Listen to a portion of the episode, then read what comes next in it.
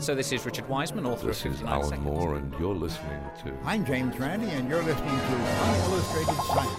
Så du, du leker jo Nei, du leker ikke Gud. Kan eh, kurere kreft om fem år. For meg så er vel det her like nyttig som homøopati. Dødsannonsen. Forskningsnytt. Altså, jeg kan ikke lage en hårete planet. Nei, nei. Uillustrert vitenskap.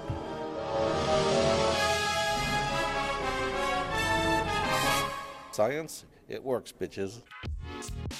I dagens sending får du det endelige beviset på at multiverset finnes. Hvordan vi i framtiden kan oppdage jordskjelv før de skjer. Og du får vite hvordan fly fungerer. Og hvordan de ikke fungerer.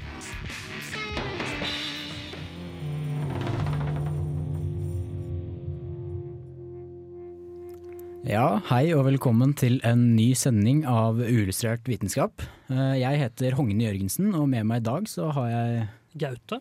Og meg, Øyvind. Og så har vi et lite gjensyn med en eh, ja, sånn i dag pratende tekniker, kan vi kalle det kanskje? Ja, hallo. Jeg heter Rune.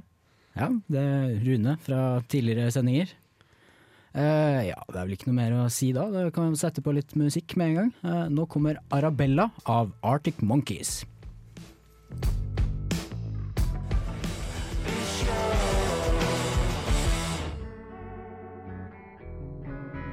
Har du noen gang tenkt over hva det er som får et fly til å fly? Hvordan i all verden kan et fullstappet passasjerfly på over 50 tonn sveve høyt over bakken? For å svare på dette spørsmålet må vi vite at det er fire krefter som virker på et fly når den er i luften. Én skyvekraft, som får flyet til å gå fremover, generert av flymotoren. Luftmotstand, som er en motkraft til skyvekraften fra motoren, og som holder flyet igjen. En gravitasjonskraft pga. vekten til flyet, som drar flyet ned mot bakken. Og til slutt en løftende kraft.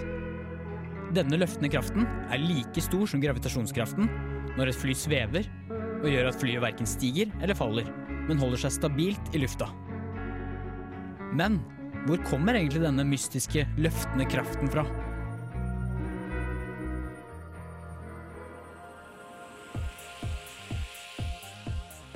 For å finne et svar på dette må vi se på vingene til flyet. Det finnes flere kompliserte måter å forklare hvor denne løftende kraften kommer fra, men den minst kompliserte er sannsynligvis ved å bruke Newtons tredje lov, som sier at kraft er lik motkraft. Når flyet beveger seg i stor fart, vil luftpartikler treffe vingene.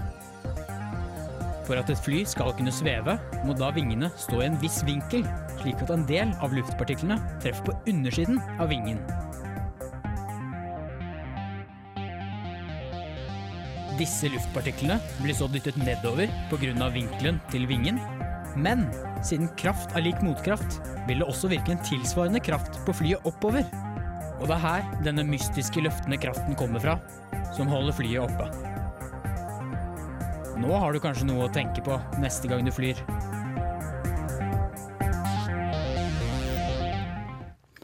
Ja, der fikk du min reportasje om hvordan fly fungerer. Eh, Og jeg kan for så vidt nevne at dette her var et forslag fra en av våre lyttere som eh, stilte dette spørsmålet på Facebook-sida Facebook vår. Så hvis dere lurer på noe, eller har lyst til at vi skal ta opp noe, så, så hører vi på dere. Eh, Hvis det er et bra forslag, da, i hvert fall. Så Ja, jeg blir i hvert fall veldig glad hver gang jeg leser innspill fra lyttere. Ja, Det er tommel opp. Gjerne flere innspill. Uh, ja. Eh, men jeg brukte ganske lang tid på å skjønne dette her, for det første jeg kom over når jeg prøvde å finne ut hvordan fly fungerte, eller hvordan eh, fly holder seg oppe, eh, var en teori som viser seg å være feil. Som sikkert ganske mange har lært eh, tidligere. Ja, for det, den du forklarte nå, det er ikke samme teori som jeg alltid har gått rundt og trodd på. Nei. Eh, For den gamle teorien den sier da at eh, denne løftende kraften kommer fra hvordan vingene er bygd opp. Eh, At de da er kurvet over og er flate under. Som da fører til at eh, luften må bevege seg en lengre strekning over eh, vingen enn det den trenger under vingen. Og så er det et eller annet sted der hvor folk tenker at når luft beveger seg over vingen og under vingen, så må den, den luften møte hverandre igjen etter å ha gått både over og under vingen. Og dette stemmer jo ikke. Men hvis det, hvis det gjør det, så vil jo luften bevege seg raskere over enn det som er under. Som igjen vil føre til et lavt trykk over vingen eh, og et større trykk under vingen, som vil da suge på en måte vingene oppover. Men nå er det jo ikke sånn at uh, lufta er nødt til å møte sin luft. Nei. Eh, Etterpå. men dette, det er deler av det er riktig, for at dette er- bruker da Bernoul, Bernoullis, pro, eh, Bernoullis prinsipp. Eh, og det er mye av det som stemmer, men det at det er formen på vingen som har noe å si, og at eh, lufta møter hverandre, det er feil. For at prinsipp er riktig. Det er luften over vingene går raskere, og det fører til et lavere trykk, som fører til at lufta suges, eller til at flyet suges opp. Og det er da egentlig samme forklaring som den forklaringen jeg ga med Newtons tredje lov. Bare veldig maskert og litt vanskelig å skjønne hvordan det kan være samme teori. Kan jeg komme med et veldig vanskelig spørsmål? Uh, ja, ja. Hvis du vil ha et svar, så kanskje Det kanskje ikke. Men uh, hvorfor er vingene forma sånn som de er? Uh, Det er pga. aerodynamikk, da, for å få minst mulig luftmotstand. Ok, Men så hvis de hadde vært litt krumma begge veier, hadde det vært dårligere? Eh, mm, litt krumma. Det, nå kommer det an på, for nå er jo fly vanligvis fly og uh, fly eh, den veien Eller de flyr ikke opp ned, vanligvis. Så dermed så er det greit at vingene er litt sånn De er, de er gjerne litt bøyd, sånn at det treffer litt mer eh, At du allerede har en litt sånn innebygd vinkel da, i, i Ja. vingen, slik at du allerede treffer litt eh, luft, eh, og, som da blir trykka ned mens flyet blir trykka opp. Ja, for det finnes vel fly som kan fly opp ned. Altså, Ja. Ikke at de nødvendigvis gjør det, men de kan. Ja. kan hvis de Og der, og der, og der er jo også hvis de har ja. lyst. Og der er også dette problemet med den uh, forklaringen at det er formen på vingen som uh, forklarer hvordan eh, fly holdes oppe. For da skal det ikke gå an å fly opp ned, men det gjør det jo. Ja, ja Og- mm, veldig, veldig godt poeng. Ja, Den- og da, ja. da bruker du vanligvis symmetriske vinger. Så det- går an å ha mange former på vingene. Det er den angle of attack, eller den vinkelen du treffer lufta med, som er det viktigste. Ok. Eh, og dette er veldig utbredt, eh, den der feilen jeg forklarte. For jeg fant faktisk ut at den feilen den sto faktisk på Harvard og Princeton sine nettsider. Så Men ikke på NTNU sine. si det, det sånn. det har jeg ikke sjekka. Jeg håper de ikke gjør det, men eh, det kan jeg ikke si helt sikkert. I hvert fall ikke på uillustrert vitenskap sine sider, Nei, for å si det sånn. Som for øvrig fisken.no. Men jeg drev og tenkte på, fordi du sa at det er de her luftmolekylene som treffer eh, Mm. vingene og skyter flyet opp, da, på en måte. Ja. Men det er jo veldig mange forskjellige molekyler som flyr relativt ukontrollert, gjør det ikke? Så hvordan kan flyet fly såpass kontrollert? Ja, eh, det, selve, det er jo veldig mange partikler som flyr alle veier, men siden det er såpass mange av de, så vil det på en måte fortsatt være en vind. Da. Det vil jo være en eh, luftmotstand du treffer, vil fortsatt være ganske jevn. Men det er også veldig mye eh, på flyet som er bygget for å skape stabilitet. Eh, fly er vanligvis bygget slik at eh, vekten er veldig, veldig jevnt fordelt. Og det er kanskje ikke alle tenker kanskje ikke alle over at det er veldig veldig jevnt fordelt den vekta i flyet. Og I tillegg så har du jo balanseror, eller du har mange av disse her eh, floppene, eller der, eh, floppene på Jeg vet ikke hva du De, kaller de det. De, de heter balanseror, men det er kanskje ikke alle forstår hva det er. Da. Men det er de der de greiene på vingene som går opp og ned. Ja. De, de brukes også til å styre, da, hvis du vil svinge f.eks. Så dyttes den ene ned og den andre opp på, en, på hver sin side, og dermed så, så svinger flyet, da. Fantastisk. Ja. Hva med, hva med turbulens, da? Har det sånn når flyet plutselig faller nedover? Ja, eh, det, er, det er noe helt annet. For da, da treffer eh, flyet vanligvis Jeg tror, dette her har ikke jeg lest på lenge, men jeg tror da treffer en sånn liten sånn luftlomme, da. Hvor det er mindre luft. Ja. Og plutselig så er det plutselig ikke noe luft, og da bare faller den ned. Og så kommer den inn på, inn på en måte i lufta igjen. eh.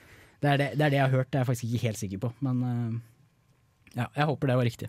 Ja, til ditt forsvar så tror jeg at min strømningsforeleser og sa at han var heller ikke helt sikker på hva turbulens var for noe. Nei. Sånn nei. fly og greier. Ja. Ja. For det er også en fin ting å nevne, at uh, alt dette med luft å gjøre, dette er egentlig fluidmekanikk. Det er akkurat det samme som ting som skjer under vann. Det er bare det at luft er et annet medium enn vann.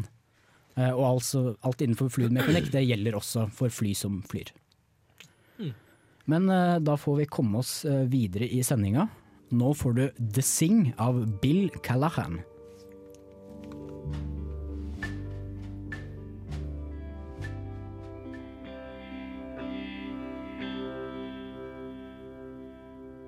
Universet, slik vi kjenner det, er ufattelig utenkelig stor. Utallige galakser er spredd utover, bestående av flere milliarder solsystemer, stjerner og stjernetåker, men solsystemene inneholder ofte, i sin tur, flere planeter.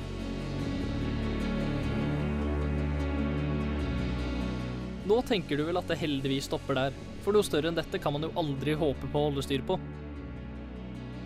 Men da må jeg nok skuffe deg, for tidligere i år ga bilder fra Planck-satellitten det som kalles det første håndfaste beviset for den såkalte bobleteorien.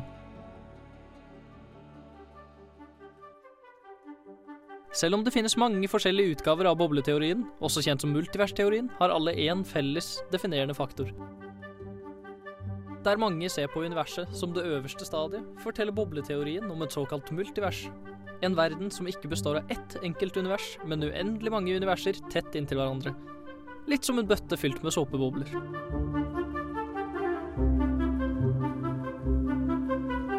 Forskere har tidligere forutsett at bakgrunnsstrålingen skal være spredd jevnt utover universet. Med data samlet fra Planck-teleskopet har det blitt satt sammen et kart over de tidligere stadiene av universets begynnelse. Og ut ifra dette har det ikke bare blitt fastslått at strålingen er langt sterkere ved den sørlige delen av universet, men de har også funnet et lite område nesten fritt for bakgrunnsstråling.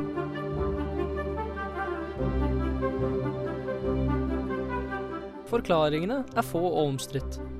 Men noen mener at dette kan forklares ut ifra multiversteorien, og at strålingen tiltrekkes visse deler av universet fordi den blir påvirket av gravitasjon fra andre univers. Det lille området kalt the cold spot antas enkelt og greit, og inneholder noe svært massivt.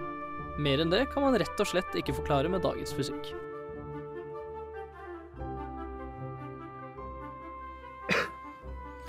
Ja, der fikk du en reportasjen til Øyvind om eh, multiverser, og, eller et bevis for at multiverser eh, eksisterer. Da vil jeg påpeke, påpeke at det er bevis i hermetegn. Ja, for at uh, Hvorfor har det ikke kommet med dette beviset tidligere? Eller er det egentlig et bevis? Eller ja, hvor, hvor stor grad av bevis er dette her? Ja, altså Greia her var jo det at de lagde et eh, kart, uh, som jeg nevnte i reportasjen, da, av eh, de tidligere stadiene i universet. Uh, altså da det først ble til. Og da, de har jo laget sånne kart før, dere har jo kanskje sett dem. Men de har jo ikke vært like nøyaktige. Og det er eh, ut ifra de mer nøyaktige dataene nå, da, at de har uh, virkelig sett uh, Fått dette såkalte beviset. Og Ja. sett ut ifra det, da. Og det, det er jo det at uh, stråling, bakgrunnsstrålingen viser seg at det, det De trodde det skulle være jevnt, spredd jevnt utover, men så det liksom, blir liksom tiltrukket visse deler av universet uten at de egentlig vet helt hvorfor. Så, så er det et håndfast bevis, eller? eh, Det føles ikke veldig håndfast for meg. Nei, det var en, en som hadde kommet med denne teorien om eh, multivers eh, tidligere. da. Sagt at ja, ja, sånn er det. Og så fant du noe. Det altså de dataene her. Og så sa hun ja, der! Det var det jeg sa! Sånn er det. Men det er jo egentlig ikke noe bevis. Det er bare én mulig løsning på noe man ikke vet svaret på. Jeg tror det er ganske vanskelig generelt å bevise multiverset, med, mindre vi klarer å faktisk observere det, annet enn bare indirekte. Eller du kan jo ja, kanskje Det kan jo bli litt vanskelig. Altså, man, vet, altså, man vet jo ikke hvordan det fungerer. Nei. Man vet ikke engang om det fungerer. Om Nei, det det faktisk er sånn. Gravitasjonen kan komme fra mye annet rart som Ja, ikke ja. vi ser. Det, kan, det er det som er greia, at det kan være hva som helst, men at uh, det er en mulig løsning. Ja. At det er et annet univers. Mm. Jeg, jeg står bare og tenker på at er- hvordan det her kan være håndfast. Det er ikke det. Nei, men det var, en som, det var ingen som hadde trodd på henne. Og det her var det sånn, Hun hadde kommet med denne teorien, altså ikke multiversteorien, da, men hadde sagt Begynt å si for sånn, jeg vet ikke, jeg tror det var sånn fem år siden. At, veldig jo, jo, sakte. sånn er det. Sånn er det. Og så, hadde hun ikke Jo, og så hadde hun først nå da fått, kunnet si at ja, det var det jeg sa. Sånn er det. Så hun var jo kjempeglad. Ja. Jeg håper i hvert fall at det stemmer, for multiverser er veldig kule i hvert fall. Om Ja. ikke annet. Det er jo bedre med flere enn med ett univers. Det, det må jeg jo bare si. Eh, Men da får vi komme oss litt videre i sendinga. Nå kommer Overtime av US Girls.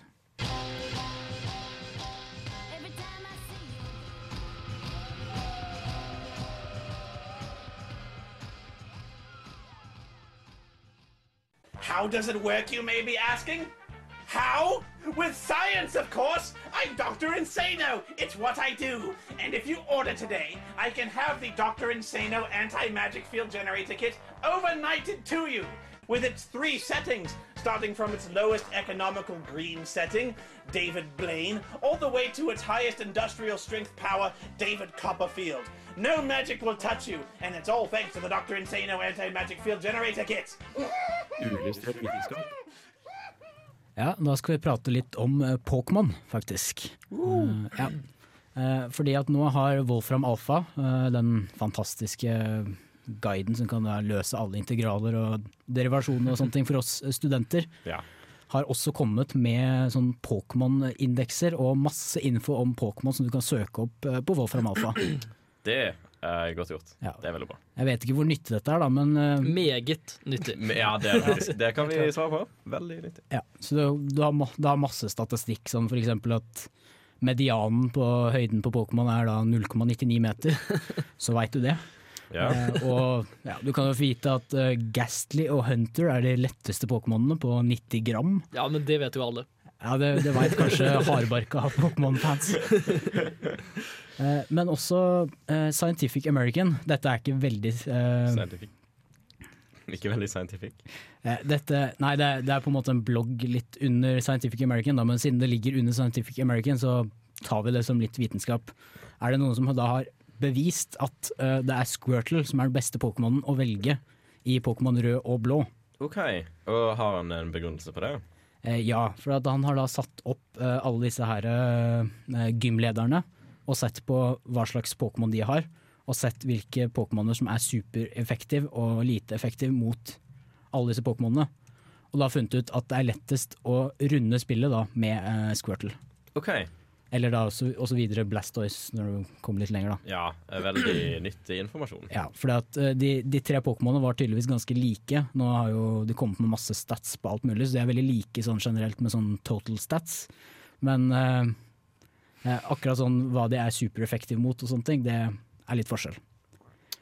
Så det å velge squirt blir litt som å altså, spille i easy mode eller noe sånt. Ja. Da. Ja. Ja. Så det, er- det er litt juks. Ja, Det- den, den vanskeligste er Det liker vi. Det er Den vanskeligste er Charmander, så det er den du skal Ja, velge. ikke sant. Ja. Ja. Eh, for hvis ikke dere var veldig hardbarka Pokémon-fan her, så var kanskje dette litt mye sånn som dere aldri har hørt om før, men, eh, Men da kan vi speise det opp med at i tillegg til å ha mye data om Pokémonene, så kan de òg tegne en Pokémon-graf. Ja, for det kunne de også. Eh, under hver, jeg tror det er under hver Pokémon, jeg vet ikke, jeg har ikke sjekka så mye.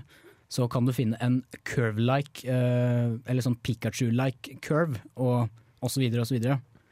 Eh, og da kan du også få opp formelen for hvordan du skal lage denne kurven selv. Da, eh, i- Som du kan plotte inn på din egen karriere. ja.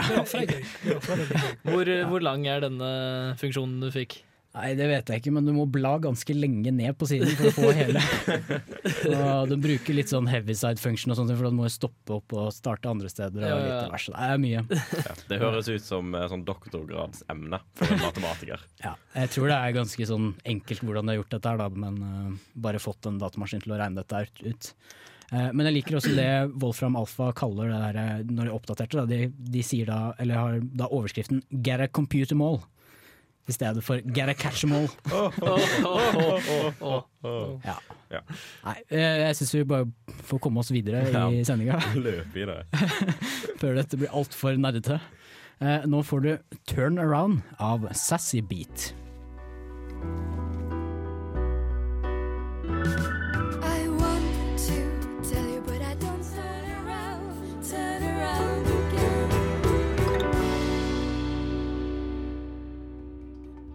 Når det er mye rogn på trærne, blir det lite snø. Eller var det motsatt? Opp gjennom tidene har vi forsøkt å bruke tegn fra naturen til å spå vær og vind, med mer eller mindre suksess. Om det kommer mye snø, eller om det blir overskyet dagen etter, er for så vidt praktisk å vite. Men finnes det dyr som kan varsle om mer alvorlige ting, som f.eks. naturkatastrofer?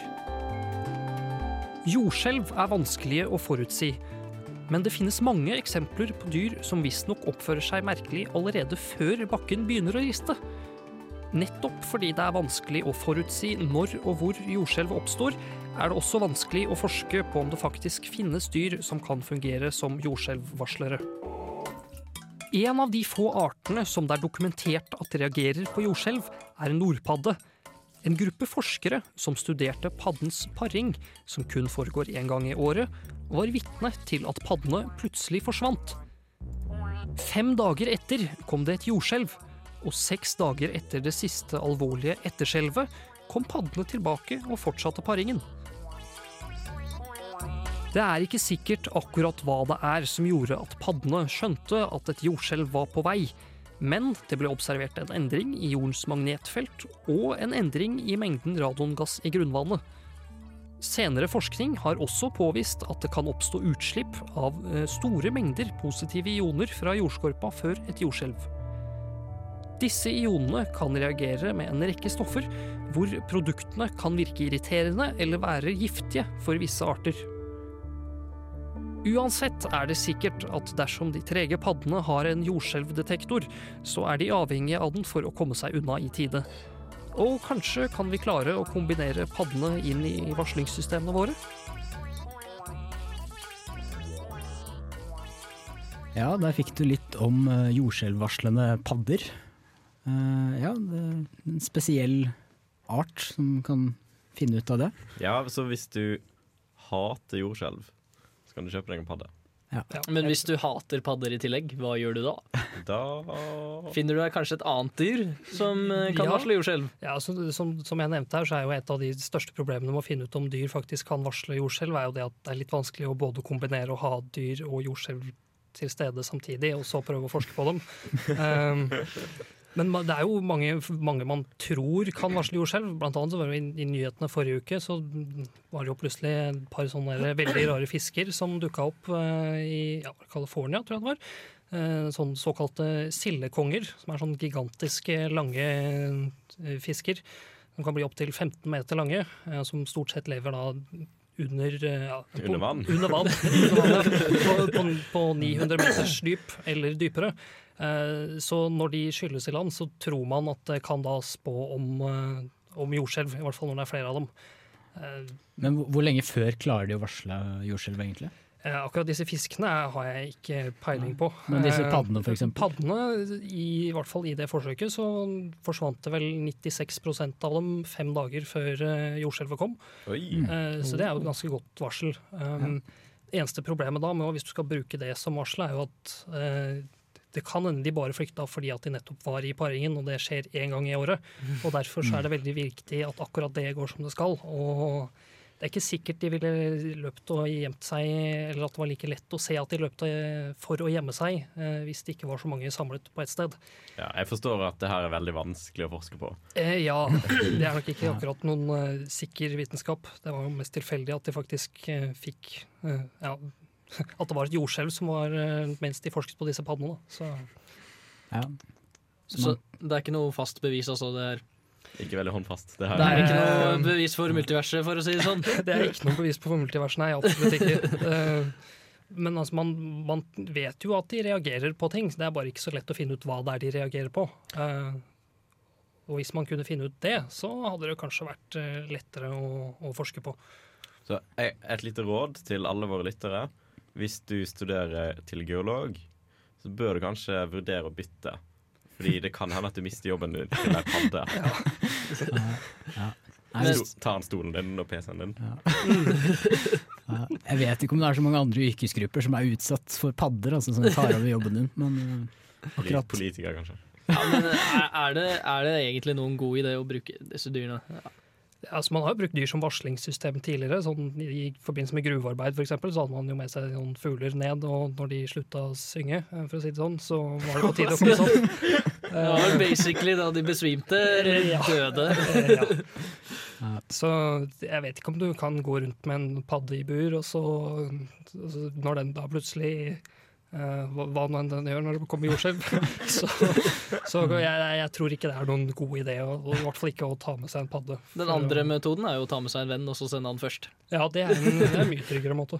Jeg vet ikke om det hjelper for jordskjelv akkurat, men uh... Kanskje ikke jordskjelv, men andre ting. Hvor skal du sende han først? Jeg, jeg, nå satte jeg meg litt fast på uh, huler og sånt uten luft, jeg. OK, ja, det er greit. Ja. Nei, men da får vi håpe at uh, vi, vi finner noen ordentlige jordvarsler, eller finner noen beviser på at padder faktisk kan fikse dette her, så får vi bare popu eller få populasjonen eh, for, til padder eh, over hele jorda. Opp med padder. Så for at nå kan vi bare detektere Ned med der. frosk. Med frosk. Men De froskere kan altså ikke gjøre noen ting? Nei, de er så jævlig talentløse. Ja. Nei, uh, nå får du The Way We Touch av We Are Twin.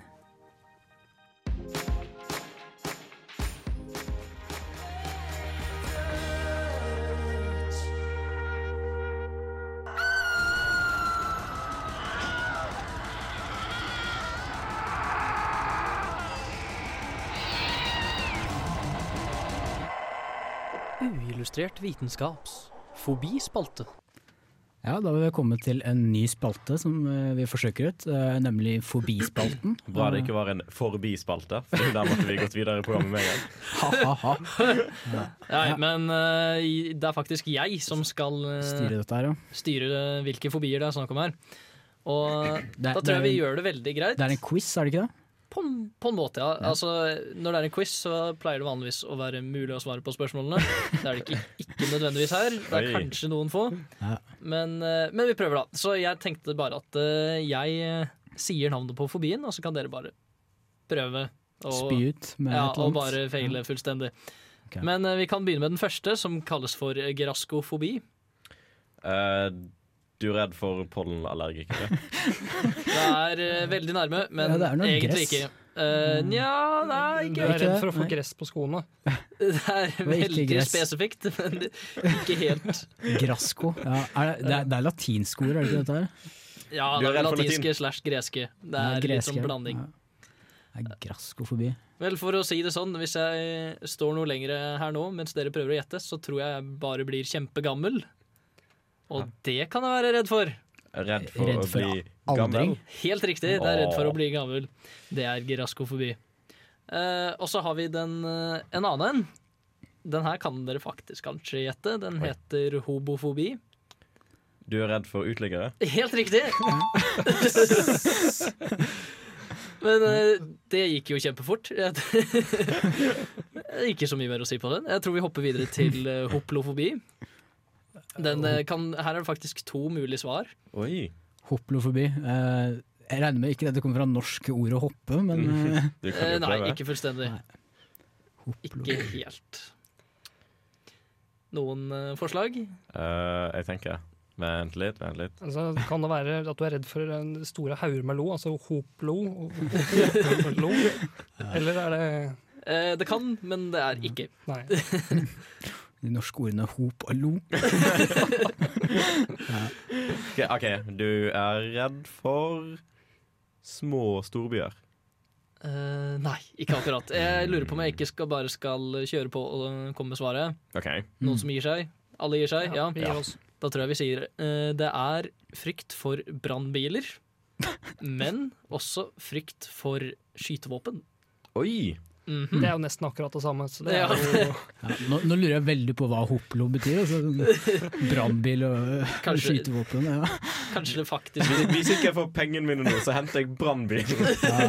Jeg ser for den verste, verste drømmen til noen som har hoplofobi. En fyr som kommer i brannbil med skytegevær og alt mulig. Ja. Drive-by, ja. Men uh, vi hopper videre. Den her har jeg til tider, uh, faktisk. Den heter hypegiafobi.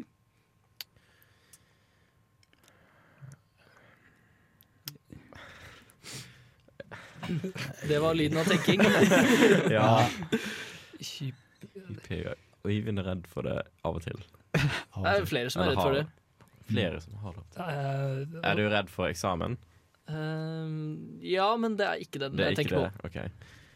Men uh, si for eksempel det var en gang for en stund siden at jeg ikke ville være programleder i et uh, program her i radioen. Ikke dette her, ikke sant? Nei, aldri. Det, her- det her vil jeg så klart være. Dette her er jo best. Eh, men eh, Er kan si at eh, er det frykt for å bli hørt? eh, Nei, det har jeg ikke noe imot. Jeg er faktisk veldig glad i å bli hørt. det, det, det skurrer litt. I så fall hadde jeg jo ikke hørt helt hjemme med på, her på radioen. Eh, men eh, det er jo faktisk frykt for ansvar. Frykt for ansvaret. Oi.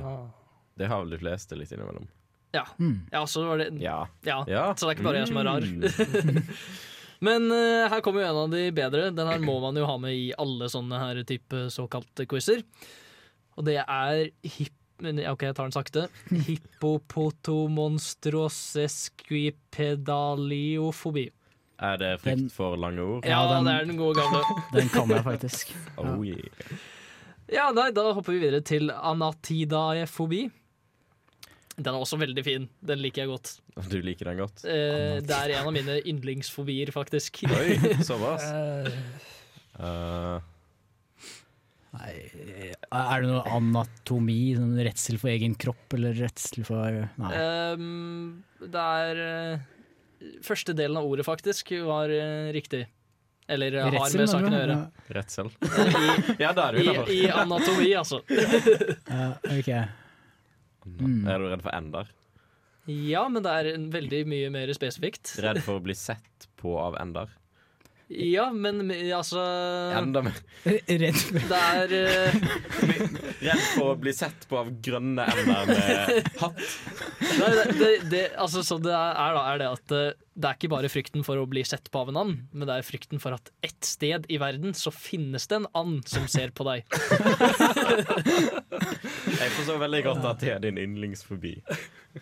Uh, ja, det er faktisk min yndlingsfobi, men det er enda flere som er helt fantastiske. Og det er ve- Kan det bare jeg må si unnskyld til alle våre lyttere som faktisk har de fobiene vi ler av. Uh, beklager. ja, ikke noe personlig, altså. Eh, men eh, den her er veldig garantert at bare blir personlig for én person i verden. Og det, nå er det snakk om den såkalte papafobien. Bare én person som kan føle seg støtt. Eller det er flere som kan føle seg Og, og selvfølgelig redd for paven. Ja, helt riktig! pappa. Ja. Ja, Ah. pappa, så vi, Men- ja, noen pavegreier. Ja. Så, så det er bare paven. Det er frykt for paven. For paven. OK. Mm. Um, og disse pavene kan jo av og til uh, ha noe i ansiktet, og uh, med dette får vi altså Eh, vi, vi kommer inn på det, bare heng med, heng med. OK, kanskje ikke helt smooth overgang, men, uh, men heng med, heng med. Det har et poeng. Eh, Her snakker jeg om pogonofobi. Pogo. Pogo Men eh, jeg skjønner ikke helt hvordan det kommer med Ha noe i ansiktet. Ja. Ja, jeg ser at det kanskje kan være litt vanskelig Ja, er det sånn, der, eh, sånn pedofili-greier ute og går? Uh, nei, det er nei, ikke noe sånn pedofiligreier i trynet, men uh, ikke noe med hoppestokker å gjøre heller. Sånn Ikke så mange hoppestokker i trynet. Jeg snakker om noe som de fleste menn har. Uh, frykt for skjegg. Helt riktig, det er frykt for skjegg. Og så tror jeg vi skal avslutte med en siste, som jeg syns passer veldig bra. Eh, Det er, kalles for helenologofobi. Redd for he- he- Folk Hel- fra Hellas. helger. Eh, Det er, har noe med Hellas å gjøre. gjøre. Frykt for greske uttrykk eller kompliserte vitenskapelige uttrykk. Oi, Mm. Men den har jeg liksom innimellom. Når Ja. jeg gjør matte. Ja, og så med Ja. alle disse fobiene så blir det jo litt Det blir- mye, blir det ikke. Jeg blir mer redd nå. Ja. Eh, Men nå får du 'Every Girl' av Alle Las.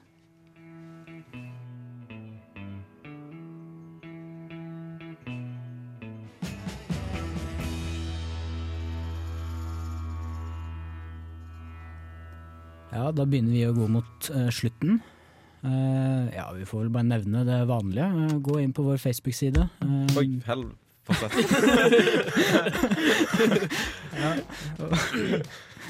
Ja, ja. ble Gå inn sånn- på vår Facebook-side. Ja, og, og foreslå uh, ting vi kan ta opp. Hva, hva heter den her fantastiske Facebook-siden? Uh, Den heter uh, Det er bare søk på illustrert vitenskap, så kommer du inn på den med en gang hvis du har en Facebook-bruker. Oi. Eh, Og foreslå ting som vi kan eh, prate om. Ja. Eh, Helst litt vitenskapsrelatert. Ja. Gjerne ting du lurer på også. Da blir det litt mer spennende. Blir det ikke? Ja, for at vi tar ikke hva som helst. Nei, Det det hadde jo blitt vondt. Hva hadde. Hogne på brødskiva her om dagen? Er Ja, nei, men uh, nå får vi avslutte. Uh, Jeg har vært Hogne, og med meg i dag så har jeg hatt Gaute. Og meg, Øyvind. Og La oss ikke glemme teknikk... Ja, Ja. unnskyld. Ja. Du med. tekniker Yes. Da ses vi neste uke. Ha det bra.